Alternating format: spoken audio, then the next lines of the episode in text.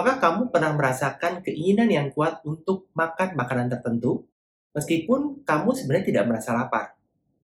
Jadi, di dalam sistem pengendalian nafsu makan, ternyata ada mekanisme yang memungkinkan kita tetap ingin makan meskipun sudah kenyang. Mekanisme ini agak berbeda dengan sistem pengendalian rasa lapar yang alamiah yang bertujuan untuk meningkatkan asupan energi karena tubuh kekurangan energi. Dalam pengendalian ini disebut sebagai sistem hedonik. Berbeda dengan pengaturan rasa lapar yang berbasis pada interaksi antara organ seperti saluran pencernaan atau adipos terhadap sistem yang ada di otak, sistem hedonik ini berpusat pada otak.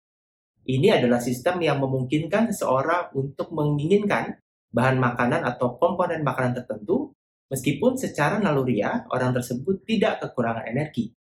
Nah, biasanya pada orang dengan kegemukan, mereka sedikit mengalami masalah ini keinginan untuk makan tinggi, ya, tetapi bukan karena lapar. Nah, pada video kali ini kita akan mempelajari bagaimana sih sistem hedonik terjadi dalam otak manusia yang membuat kita merasa craving terhadap sebuah bahan makanan meskipun sebenarnya tidak merasa lapar. Sistem hedonik ini kemudian membuat kita menjadi ingin makan lebih banyak. Pada kelas ini adalah cuplikan dari kelas interaktif yang ada di Gizi Gama.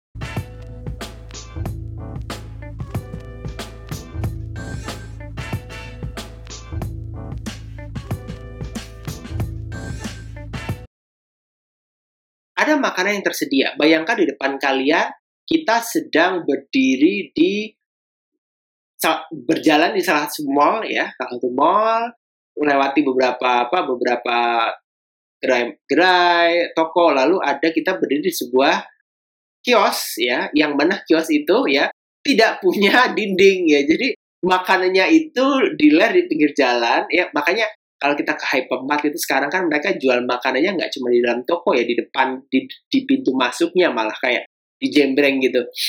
Kenapa? Karena makanan yang tersedia ketika kita melihat makanan yang tersedia akan ada beberapa cues atau petunjuk visual pertama. Visualnya gimana? Makanya kan menarik. Warnanya menarik, bentuknya menarik. Terus nggak hanya visual, ternyata penglihatannya juga dan aromanya. Jadi bermain di aroma, bermain di penglihatan dan bentuk. Apalagi kita yang pernah makan makanan tersebut. Dia akan masuk ke food memory. Kita melihat satu apa salah satu toko kue di depan, kita lagi ngeliat-liat gitu. Lalu saat kita melihat kue tart gitu, apa yang sensasi apa yang terjadi? Kita berpikir menarik kembali. Terakhir saya makan kue tart itu rasanya kayak apa? Kalau tadi ada yang ngomong boba ya berdiri di di depan apa? Di depan gerai boba lalu melihat melihat bobanya gambarnya gede banget, warnanya menarik, lalu ada orang ngantri, ada yang beli, ada yang bahkan minum di depan kita gitu. Akan muncul food memory. Terakhir kita makan kayak apa? Apa yang kita rasakan saat makan makanan tersebut atau minum minuman tersebut. Dan ini kemudian akan mem membantu kita dalam mengambil keputusan kita mau beli apa enggak. Itu yang pertama. Yang kedua, ada reward-based decision making. Dalam konteks ini, apa yang terjadi dalam diri kita? Ya, sebagian dari kita, kalau membeli makanan tertentu misalnya, terutama yang bukan yang pokok ya, yang bersifat hedonik ya, itu kan kadang-kadang kita perlu alasan.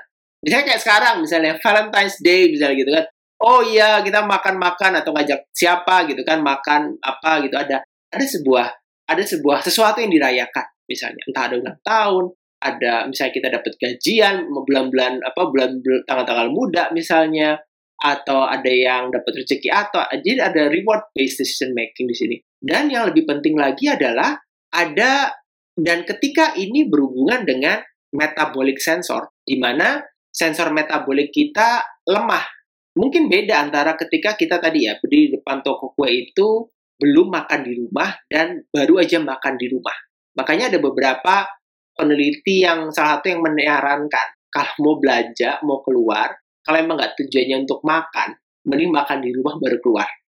Kenapa? Karena kalau food memory dan reward base itu nyampur sama metabolic sensor, bahwa kita belum makan, udah itu bisa dipastikan kalap gitu. Jadi masih bakal masih bakal mampir gitu karena kita mengkombinasikan banyak faktor yang kemudian akhirnya ya udah deh gitu kan tubuh kita tuh nggak pengen otak itu tuh katanya nggak pengen ketika kita berusaha untuk melawan, itu tuh lebih berat gitu daripada mengikuti sensasi ini. Jadi menahan godaan ya, itu tuh lebih berat dan kadang-kadang saat seorang menjalani diet itu beratnya itu adalah tadi menahan godaan karena godaan yang ada dari dalam dirinya sendiri. Misalnya gini, kita melakukan wawancara lalu menemukan bahwa klien ini sulit banget disuruh untuk mengurangi gorengan.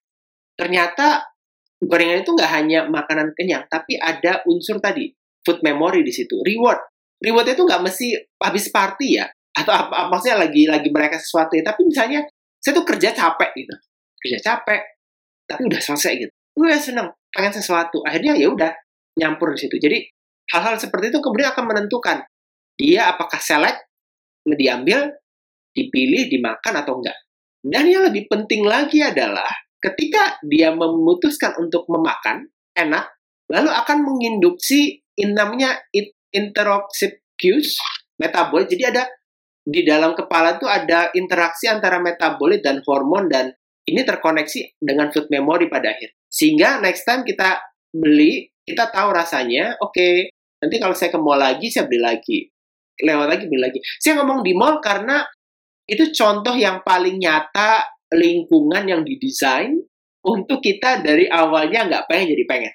Dan dan sekali lagi ya sebenarnya alasan uh, apa saran untuk makan sebelum nge-mall itu adalah untuk menghindari hal-hal ini. Bagi kamu yang tertarik untuk mengikuti kelas Gizi Gama, kamu bisa mengikuti link di bawah ini. Kelas interaktif Gizi Gama adalah sebuah kelas yang dirancang buat kamu untuk meningkatkan pengetahuanmu di bidang gizi berdasarkan riset-riset terbaru yang up to date yang kombinasikan unsur fundamental dan unsur klinis. Jadi, buat kamu yang tertarik mengikuti rangkaian kelas interaktif di Gizi Gama, ada banyak pilihan kelas yang disajikan. Tiap bulan, kamu akan mendapatkan materi yang berbeda. Kunjungi website gizigama.com untuk mendapatkan informasi mengenai kelas-kelas apa saja yang bisa kamu ikuti. Atau, kamu bisa melihat daftar kelasnya dan mendaftar di aplikasi Gizi Gama Edu yang tersedia di Android. Saya Hari Freta, sampai jumpa.